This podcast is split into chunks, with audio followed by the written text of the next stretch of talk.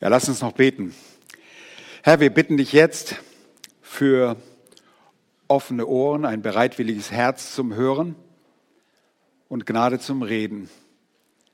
Reden, wie du es dir wünschst, gemäß deinem Wort und deiner Wahrheit. Danke, dass du uns liebst und uns dein wunderbares Wort erschließt. Und darum bitten wir, dass uns dein Wort immer lieber wird. In Jesu Namen. Amen. Ja, ihr Lieben, wir leben in der Tat in einer schwierigen Zeit, nicht so schwer, wie sie sein könnte, aber sie ist in der Tat schwierig. Es ist eine Zeit, bei der sich viele ungewohnte Dinge für uns ereignen. Wir durchleben eine Pandemie und was daraus gemacht wird, erschüttert uns zum Teil mehr als die direkte virale Bedrohung. Und wir erleben einen Krieg in unserer Nähe mit einer neuen Qualität. Und wir sehen die Auswirkungen schon jetzt. Und das nicht nur an einem stetigen Flüchtlingsstrom. Menschen fürchten sich überall über das eine oder über das andere oder gar über beides oder viele andere Dinge mehr. In einer solchen Zeit von der Liebe Gottes zu sprechen, erscheint einigen Menschen gar ein Hohn zu sein. Wie kann Gott diese Dinge überhaupt zulassen? Wie kann so etwas geschehen? Nun, ich will es gleich vorausnehmen. Gott ist nicht ein Garant für die Wohlfühlharmonie der Menschen die sich so mancher wünscht und Gott doch gleichzeitig und vollkommen aus seinem Leben ausschließt. Die Liebesvorstellungen der Welt verschwinden in den Verirrungen menschlicher Gedanken. Gottes Liebe kann nur durch ihn selbst definiert und erklärt werden. Und dafür gibt es nur eine einzige Quelle, sein Wort, die Heilige Schrift, die eine unfehlbare und irrtumslose, zuverlässige Bibel, die wir heutzutage sogar in unserer Sprache überall erhalten oder erwerben können. Und in der Bibel erhalten wir durch die Geschichte Gottes mit der Menschheit einen tiefen und hinlänglichen Einblick in die Liebe Gottes. Und diese Liebe begegnet uns sicher manchmal nur in einem einzigen Vers, in einem dieser großen Wahrheiten finden wir sie manchmal nur in einem Vers. Aber diesen einen Vers verstehen wir dann wiederum nur, wenn wir den ganzen Kontext, den ganzen Sinn, Gottes ganzen Ratschluss, seinen gesamten geoffenbarten Ratschluss verstehen. Wir sind uns wohl der wunderbaren Wahrheit aus Johannes 3, Vers 16 bewusst, dass Gott die Welt so sehr geliebt hat, dass er seinen eingeborenen Sohn gab. Und die Bibel sagt, Gott ist Liebe und es entspricht seinem Wesen zu lieben. Und deshalb sandte er uns seinen Sohn. Aber wir müssen den ganzen Ratschluss Gottes verstehen, um aus dieser Sendung Gottes den richtigen Schluss, das richtige Fazit ziehen zu können. Ein Vers reicht nicht aus. Und die Wahrheit des einen liebenden Gottes gilt einzig und allein nur für das Christentum. Das Christentum ist die einzig wahre Religion, wenn man überhaupt von Religion sprechen möchte, der einzig wahre Glaube, der den wahren Gott reflektiert.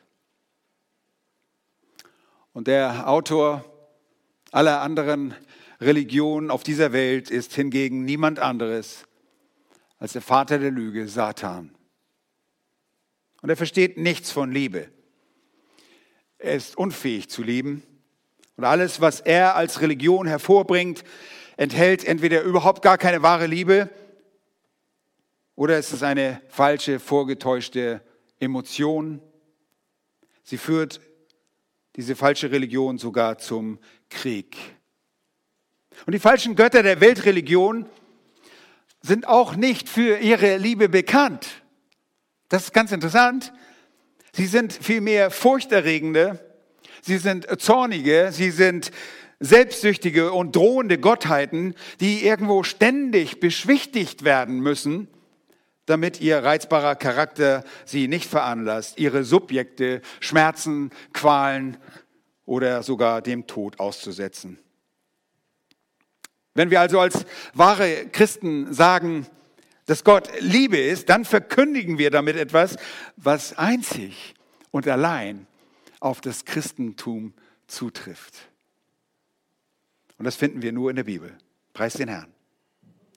Und Gottes Liebe ist nirgendwo offensichtlicher als in seinem Geschenk Jesu Christi.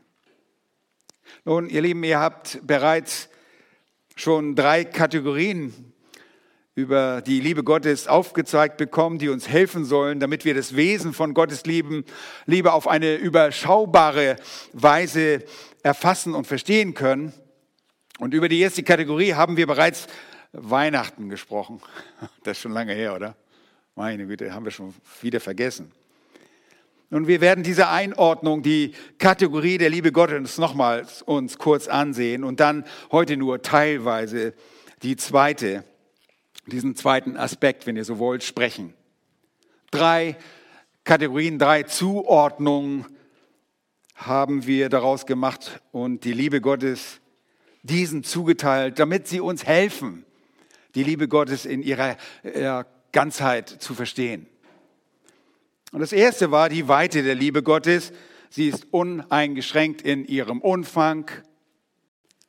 Zweitens die Einschränkung der Liebe Gottes und drittens die Ausrichtung der Liebe Gottes, die letztendlich auf seine Ehre abzielt. Und wir haben diese Maxime der Liebe Gottes bereits gesehen, gehört, davon am Weihnachtssonntag, an dem Fest der Liebe. Gottes Liebe in ihrer Weite ist uneingeschränkt und sie umfasst, umfasst tatsächlich alle Menschen.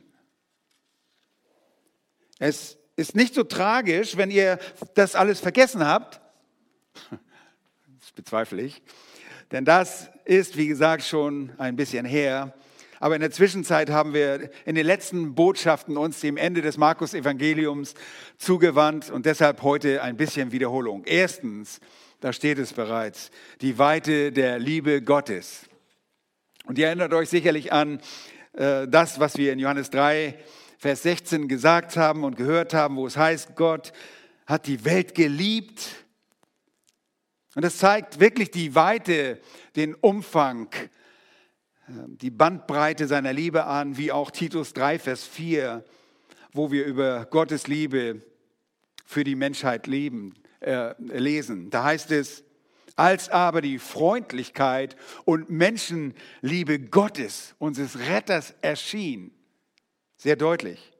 Und so drückt es auch Johannes 4, Vers 42 aus, wo die Samariter zu der Samariterin sprechen, nachdem Jesus ihnen begegnet ist, von, dieser, von diesem Retter der Welt. Da heißt es in Johannes 4, 42, und zu der Frau sprachen sie, das sind die Samariter, nun glauben wir nicht mehr um deiner Rede willen, also um der Samariterin willen, die Jesus getroffen hatte. Wir haben jetzt selbst gehört und erkannt, dass dieser wahrhaftig der Retter der Welt ist, der Christus. Und wir haben gesehen, in 1. Johannes 4, Vers 14, sagt Johannes, wir haben gesehen und wir bezeugen, dass der Vater den Sohn gesandt hat, als was? Als Retter der Welt. Also haben wir über die Tatsache gesprochen, dass Gottes Liebe in einem gewissen Sinne uneingeschränkt ist, was die Reichweite der Liebe anbetrifft und sich deshalb auch auf alle Menschen erstreckt. Und Gott demonstrierte diese uneingeschränkte Liebe, indem er uns seinen Sohn als Retter der Welt sandte. Diese universale Liebe Gottes, die Weite, kommt auf vier verschiedene Art und Weisen zum Ausdruck. Erstens haben wir gesagt, durch die allgemeine Gnade Gottes. Allgemeine Gnade bedeutet so viel, dass äh, Gott den Menschen eine allgemeine Gunst gewährt, die der Mensch nicht verdient hat. Als da wäre Sonnenschein und Regen.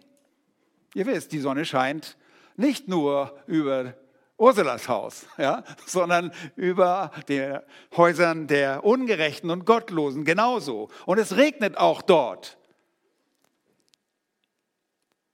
Ihr Lieben, Gott lässt die Welt an vielen guten Dingen teilhaben. Und Gott demonstriert seine Liebe anhand seiner Güte gegenüber allen Menschen. Das ist die Liebe, die durch seine allgemeine Gnade zum Ausdruck gebracht wird. Und zweitens sehen wir die Weite Gottes auch in seinem Mitgefühl. Sie drückt sich in Gottes Mitgefühl aus. Gott hat wirklich Erbarmen.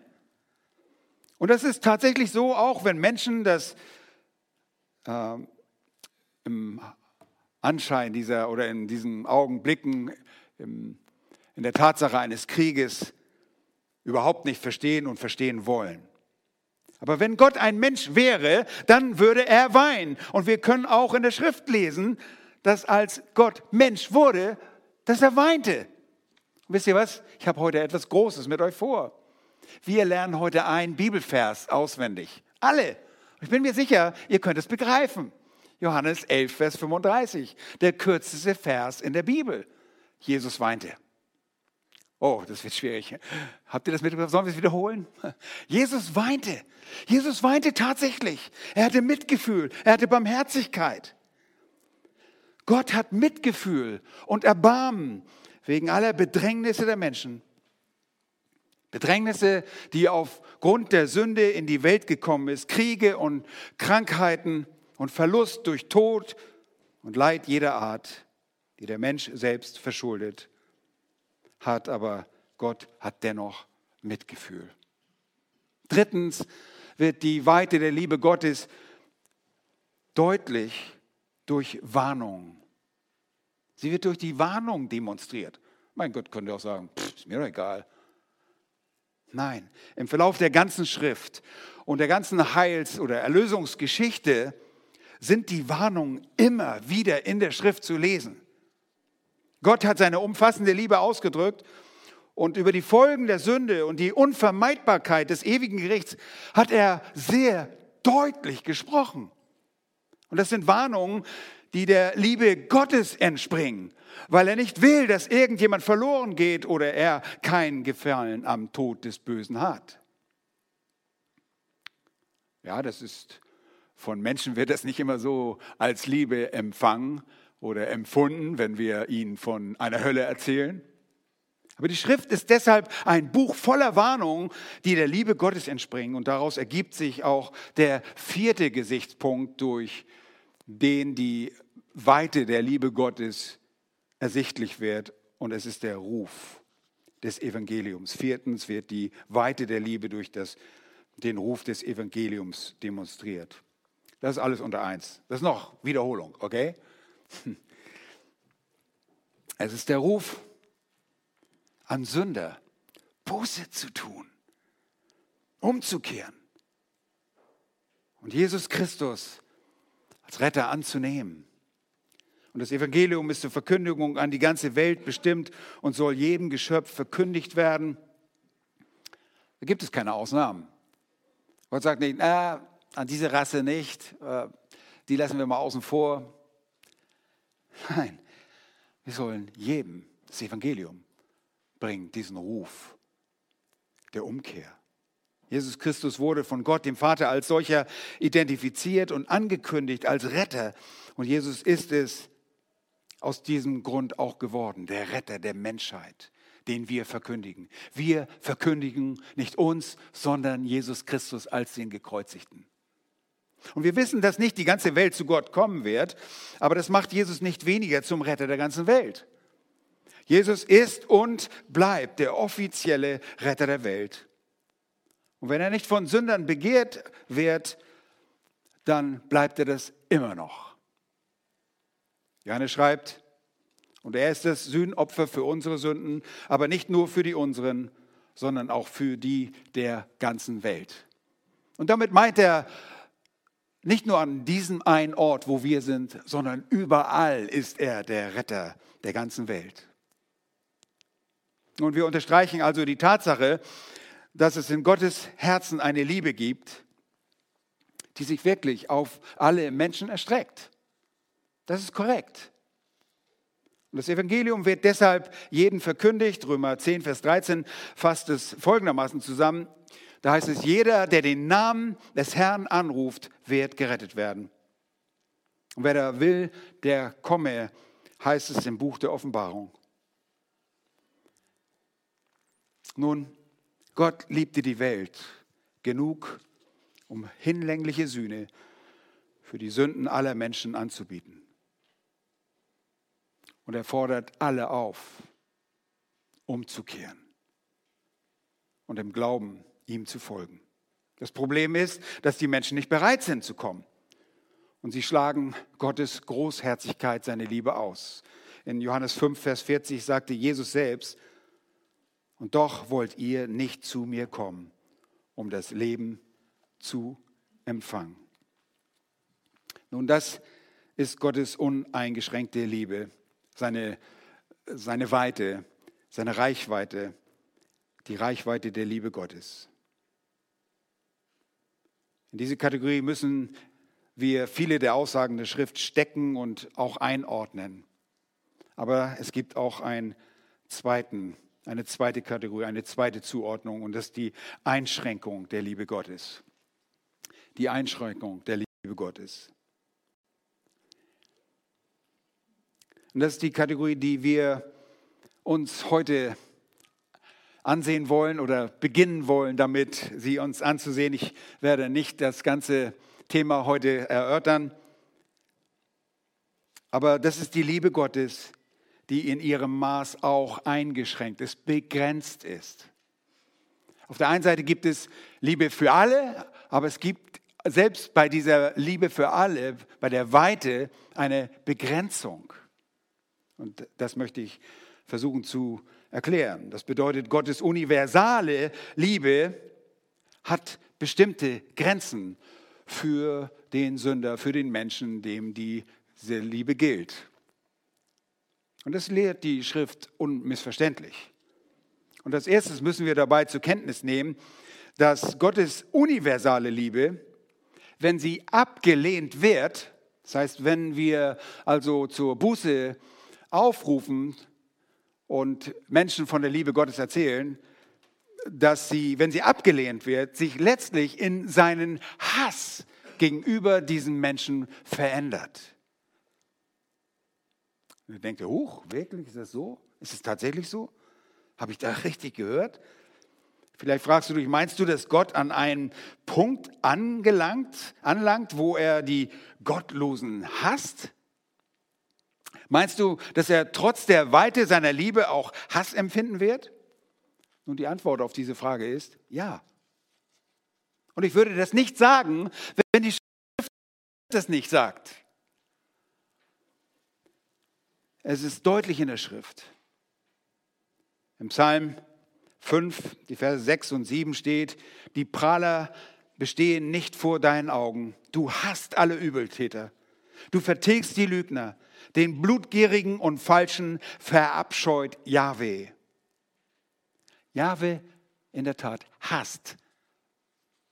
Er hasst die Sünder. Im Psalm 11, Vers 5 heißt es, Jahwe prüft den Gerechten, aber den Gottlosen und den, der Frevel liebt, hasst seine Seele. Und die Psalmisten, die das für sich auch verinnerlichen, und wir tun das auch, wenn wir das verinnerlichen, sie bringen ihre gottesfürchtige Perspektive und ihre Einstellung zum Ausdruck und bestätigen eben genau das. Und so tut es äh, auch David in seinem Psalm im Psalm 101 sagt er, Vers 3, ich will nichts Schändliches vor meine Augen stellen. Das Tun der Abtrünnigen hasse ich. Und so denkt er, wie Gott denkt. So empfindet er jetzt, wie Gott empfindet. Später im Psalm 119, Vers 4 sagt der Psalmist, ich hasse jeden Pfad der Lüge. Im Psalm 139, Vers 21 heißt es, sollte ich nicht hassen, die dich hassen, die Jahwe hassen, die dich Jahwe hassen? Oder Vers 22 äh, dort, ich hasse sie mit vollkommenen Hass. Nun, aus diesem Grund müssen wir auch sagen, dass die Weite der Liebe Gottes zwar einerseits uneingeschränkt ist, andererseits aber auch Grenzen hat. Seine universale Liebe ist nämlich zeitlich begrenzt. Sie ist zeitlich begrenzt. Seine Weite, die Weite der Liebe ist zeitlich begrenzt. Sie ist auf dieses Weltzeitalter beschränkt. Sie ist nicht ewig, sie ist nicht vollständig. Und hört mir bitte gut zu, die universale Liebe ist keine errettende Liebe. Und obwohl sie das in gewisser Hinsicht ist, denn die Schrift sagt, dass Gott ein Retter aller Menschen ist, ist das in einem irdischen Sinne gemeint. Ja, er löst in diesem Leben Menschen vom Gericht, das sie verdienen. Er lässt sie nicht sofort sterben. Jeder Mensch könnte eigentlich sofort umgebracht werden es wäre gerecht. Das steht jedem Menschen zu. Aber das tut er nicht. Er lässt Menschen atmen und er lässt sie leben. Aber es gibt Grenzen.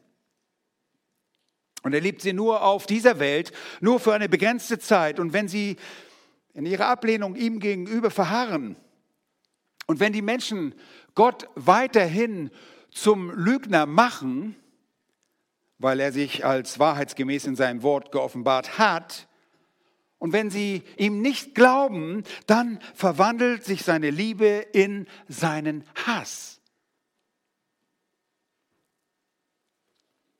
Aus diesem Grund, ihr Lieben, entspricht das Ausmaß der universalen Liebe Gottes nicht annähernd der Liebe Gottes, die er für die Seinen besitzt.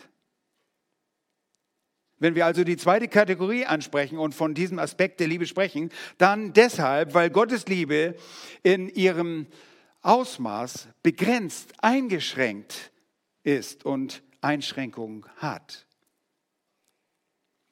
Und ihr Lieben, dabei reden wir von einer sehr, sehr wichtigen Realität.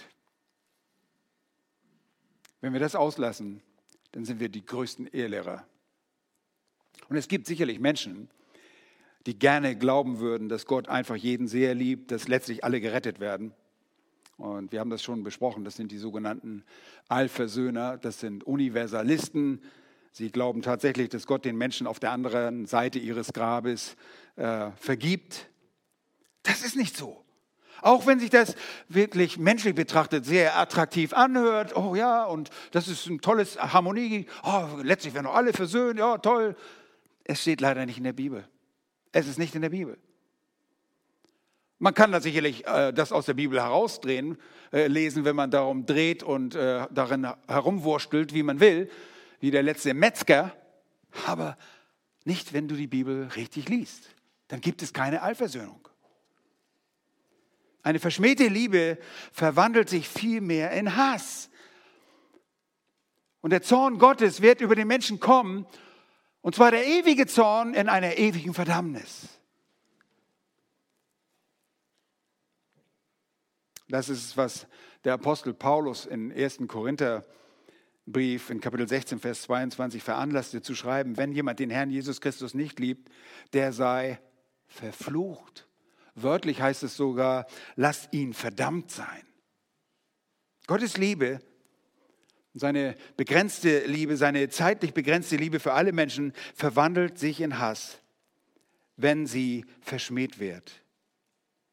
Sie verwandelt sich in Hass, wenn der Mensch die Liebe Gottes nicht anerkennt und wenn der Mensch nicht angemessen sich vor Gott demütigt. Aber ich sagte schon, wir wollen heute nur beginnen, die zweite Art dieser Kategorie der Liebe zu reden. Es ist die Liebe, die einzig und allein Gläubigen vorbehalten ist. Und schlag da bitte äh, einmal Johannes 13 zu auf und dort den ersten Vers schauen wir uns an. Wir reden jetzt von einer vollkommen anderen Liebe, in einem völlig anderen Ausmaß. Und zwar Gottes Liebe für die Gläubigen, für diejenigen, die das Evangelium angenommen haben oder annehmen werden, ist diese Liebe weitaus größer als die Liebe für die Welt im Allgemeinen. Diese Liebe Gottes ist in ihrem größten Ausmaß nur denen vorbehalten, die an ihn glauben. Johannes 13, Vers 1 beschreibt hier den Hintergrund. Es ist das Passafest, das Jesus mit seinen Jüngern feiert und daran erinnern wir uns wohl noch gut. Es ist der Abend, an dem Judas losgehen wird, um ihn zu verraten. Und am nächsten Tag wird Jesus verhaftet und hingerichtet. Und ihr Lieben, Jesus weiß genau, was auf ihn zukommt, dass sein Kreuzestod kurz bevorsteht. Und das ist die Szene, das ist der Hintergrund. Johannes schreibt hier, vor dem Passafest aber, da Jesus wusste, dass seine Stunde gekommen war, aus dieser Welt zum Vater zu gehen, das ist sein Tod also, sagt Johannes jetzt, wie er die Seinen geliebt hatte, die in der, die in der Welt waren, so liebte er sie bis ans Ende. Er liebte sie bis ans Ende. Und wie bereits angemerkt, gibt es keine Frage, dass er die Welt in einem uneingeschränkten Sinne liebt. Aber Jesus besitzt eben auch eine besondere Liebe für die Seinen, die in der Welt sind. Und davon schreibt jetzt hier der Jünger, äh, der Apostel äh, Johannes unter der Leitung des Heiligen Geistes. Und wie wird hier die Liebe definiert? Sehr interessant. Durch den Ausdruck, er liebte sie bis ans Ende. Und das ist die Beschreibung, die uns jetzt zeigt, was es bedeutet, dass er die Seinen liebt, die in der Welt waren. Er liebt die Welt aber in einem völlig anderen und uneingeschränkten Ausmaß. Und hier sehen wir, wie er die Seinen liebt, die in der Welt sind. Und das ist es, was hier mit sie bis ans Ende lieben beschrieben wird. Dieser kurze Ausdruck, bis ans Ende. Das ist der Schlüssel zum Verständnis. Im Griechischen stehen da nur zwei Worte. Eis telos, am Ende oder bis zum Ende. Beides ist möglich, aber der deutsche Text zeigt uns natürlich nicht die möglichen Übersetzungen. Und ich möchte euch helfen, möglichst alle Facetten dieser beiden griechischen Worte zu verstehen. Denn ich glaube, sie sind sehr wichtig. Eis telos beschreibt im Prinzip eine Qualität oder ein Ausmaß. Und ihr werdet das besser verstehen, wenn ich euch einfach, einfach ein paar mögliche Bedeutungen aufzeige. Erstens kann es vollständig bedeuten. Er liebte sie vollständig. Eis telos bis zur Vollendung. Telos kann äh, Ziel bedeuten, das mit dem Wort verbunden ist, das sagte Jesus am Kreuz, es ist Tetelestai, das ist, es ist vollbracht. Das Ziel ist erreicht. Es bedeutet vollständig, es ist umfassend, es ist ganz, alles erreicht. Jesus liebt wohl die Welt, aber er liebt die Sein auf perfekte, auf vollständige Art und Weise. Ganzheitliche, auf eine allumfassende Art und Weise. Und er liebt die Sein so sehr, wie er sie nur lieben kann. Und er liebt die Sein so sehr, wie er überhaupt fähig ist, sie zu lieben. Und er liebt die Sein genug, um sie seinem Sohn gleichzumachen. Ist das nicht wunderbar? Gott liebt uns so sehr, dass er uns seinem Sohn gleich macht. Und dann alles zu erben, was Christus gehört. Interessant. Wir sind sogar bezeichnet Miterben Christi. Das ist unglaublich. Alles, was Christus gehört, sollen wir miterben. Und er macht uns in unserer Herrlichkeit zu seinem Abbild. Und dazu, er überhäufte uns mit allen Segnungen der Ewigkeit. Er liebte uns also vollständig, vollkommen, komplett wie ein erlöster Mensch je von einem Gott geliebt werden könnte. Und das ist, was Eis Telos bedeutet. Zweitens kann es bis zum letzten, bis ans Ende bedeuten. Demnach würde es heißen, dass er uns ganz bis ans Ende des Lebens liebt. Das ist auch schon wunderbar. Bis an das Ende des Lebens, bis ans Ende unseres Lebens. Diese Liebe wird nie sich in einen Hass verwandeln. Es wird nie eine Zeit geben, wenn diese Liebe irgendeine Einschränkung erfährt. Und es wird uns ganz bis zum Ende geschehen, dass er uns liebt. Und ihr Lieben, das war so eine passende Zeit, in der Jesus das hineinsprach. Ihr wisst, was mit den Jüngern, mit diesen Schießbudenfiguren passierte. An, an, dem, an dem Kreuz, wo waren die Jünger? Im Garten Gethsemane, die sind alle weggelaufen. Am Kreuz haben wir gesehen, waren hauptsächlich Frauen da. Und selbst am Auferstehungsmorgen sehen wir die Frauen, die Männer waren weg. Aber hat das die Liebe unseres Herrn beendet? Trotz ihrer Versagen? Nein, hat es nicht. Seine Liebe ist nicht abhängig davon, was wir leisten. Ihr Anführer Petrus wird lautstark mit einem Fluch den Herrn verleugnen. In seinem Tod nochmals sind wirklich die einzigen Größen, haben wir gesagt, ja, die, die wahren Größen waren die Frauen, die dem Herrn gedient haben, sogar im Tod und bei der Auferstehung. Und selbst nach der Auferstehung waren diese Jünger noch so zögerlich, hatten so einen kleinen Glauben oder gar keinen Glauben. Erst später wurden sie wach. Und sie sind so schwach und so untreu, dass, wenn er ihnen erlauben würde, im Garten Gethsemane gefangen genommen zu werden, sie ihren Glauben aufgeben würden. Und genau deshalb lässt Jesus das nicht zu. Er liebt sie bis zum Ende. Selbst nachdem sie ihn nach der Auferstehung sehen können und ihn berührt und gehört haben, werden sie immer noch in Ungehorsam verfallen. Und er muss sie in Galiläa damit konfrontieren und sie erneut aufbauen, sie wieder den Dienst rufen und äh, fragt sogar Petrus, liebst du mich? Liebst du mich? Liebst du mich? Und er kannte all ihre Schwächen.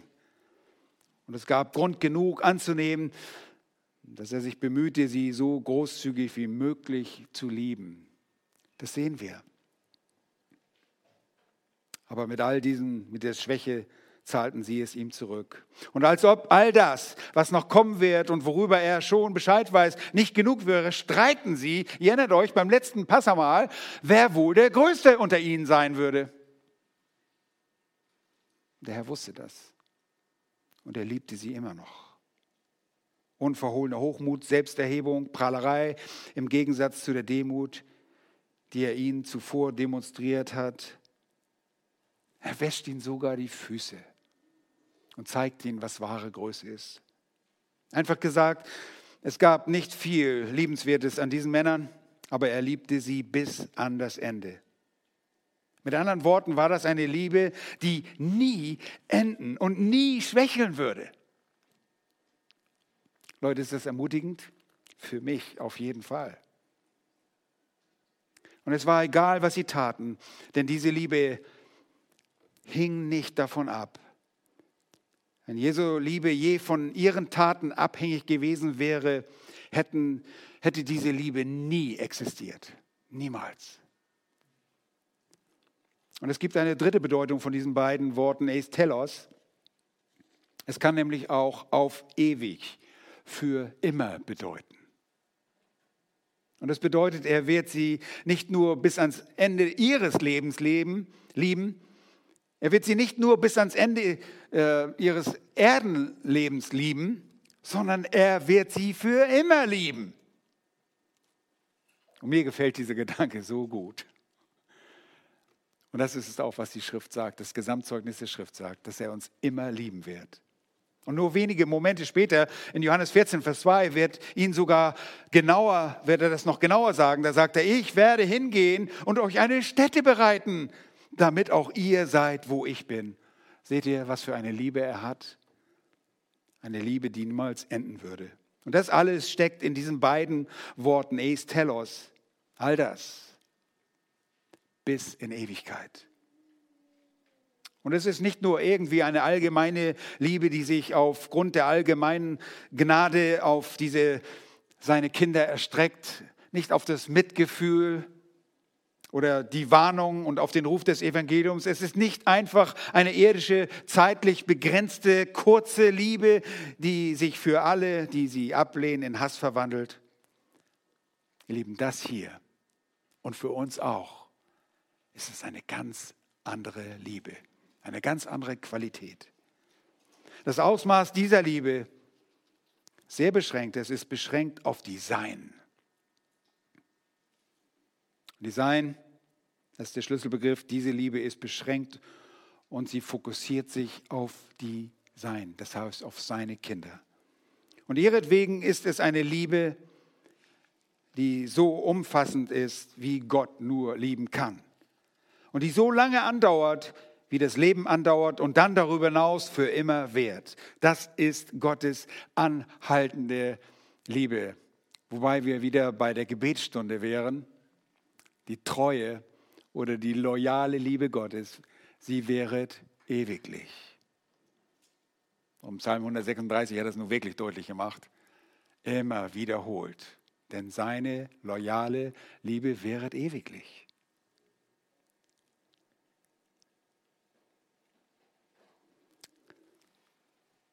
Er wird diese Liebe in einer einzigen großenartigen Demonstration unter Beweis stellen. Nur wenig Stunden danach stirbt der Herr Jesus Christus für die Sein.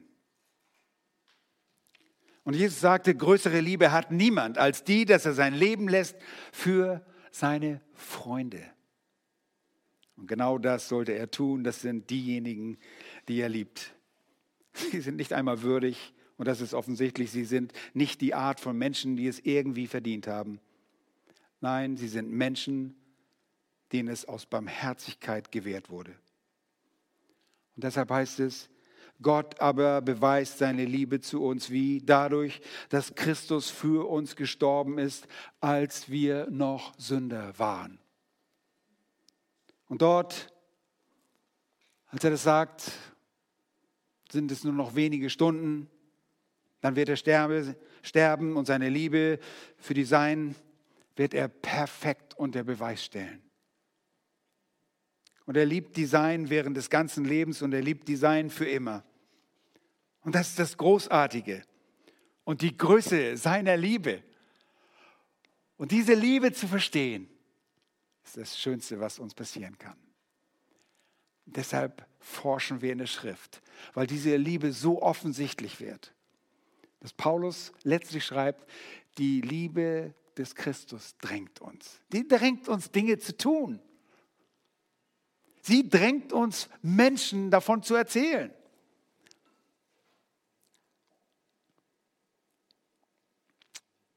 Nun, Jesus mit dem Kreuz konfrontiert. Er muss die Sünde tragen, die qualvolle Trennung von Gott, dem Vater, die schmerzhafte, einsame, verlassene Hinrichtung und Ermordung.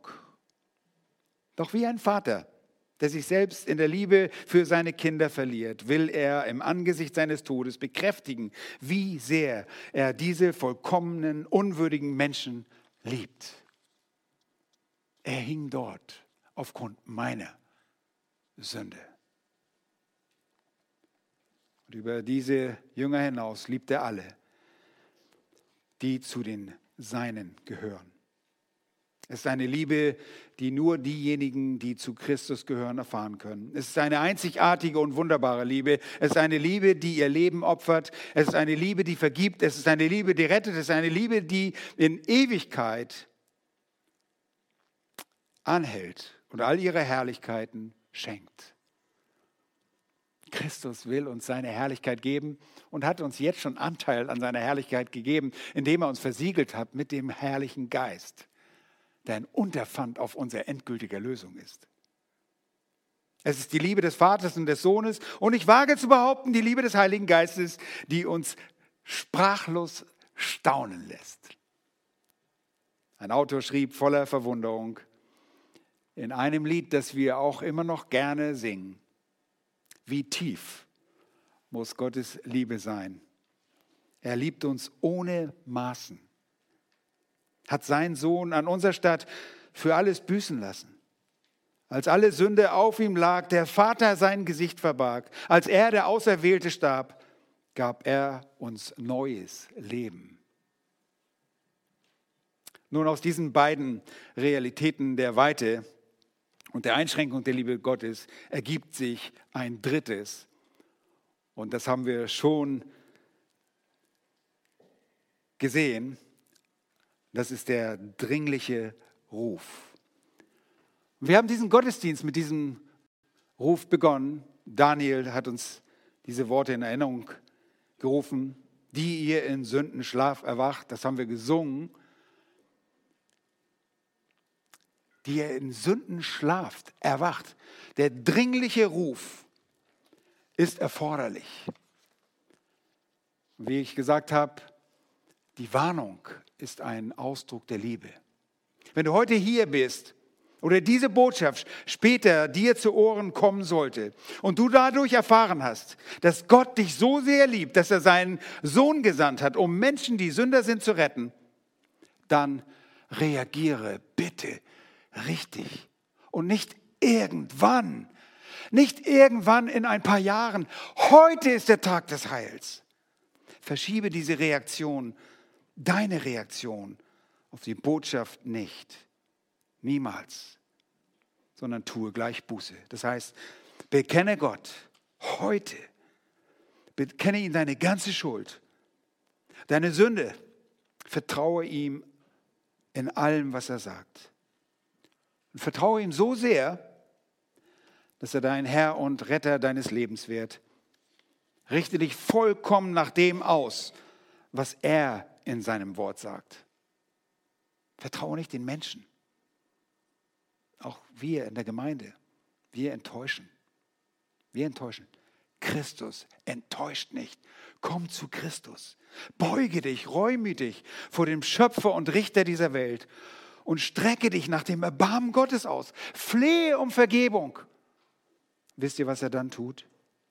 Flehe um die Vergebung deiner Schuld, so wird er dich nicht von dir stoßen, von sich stoßen. In Johannes 6, Vers 37 sagte Jesus, wer zu mir kommt, den werde ich nicht hinausstoßen. Lass uns beten. Herr, wir danken dir für diesen Einblick in deine wunderbare Liebe.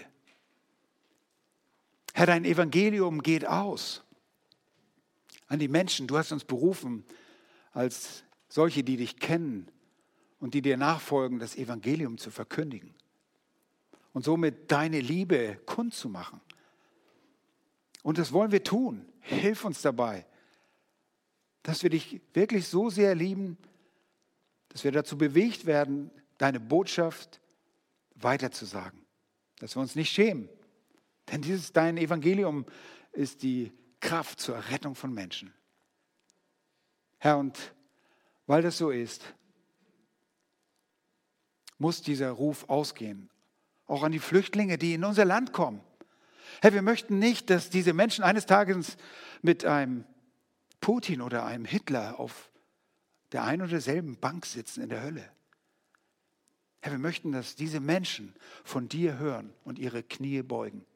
Und so bete ich, rette du heute, du bist der Retter. Erbarme dich heute der Sünder. Und wie wir, die wir dein sind, o oh Herr, reinige uns, dass wir würdige Werkzeuge sind, dieses kostbare Evangelium deiner Errettung weiterzusagen und zu leben. Herr, dass unser Leben nachhaltig davon verändert wird und dass wir durch unser Leben eine Botschaft leben, die auch andere aufmerksam macht auf dich. Möge dein Name erhoben werden über alle Namen. In Jesu Namen. Amen.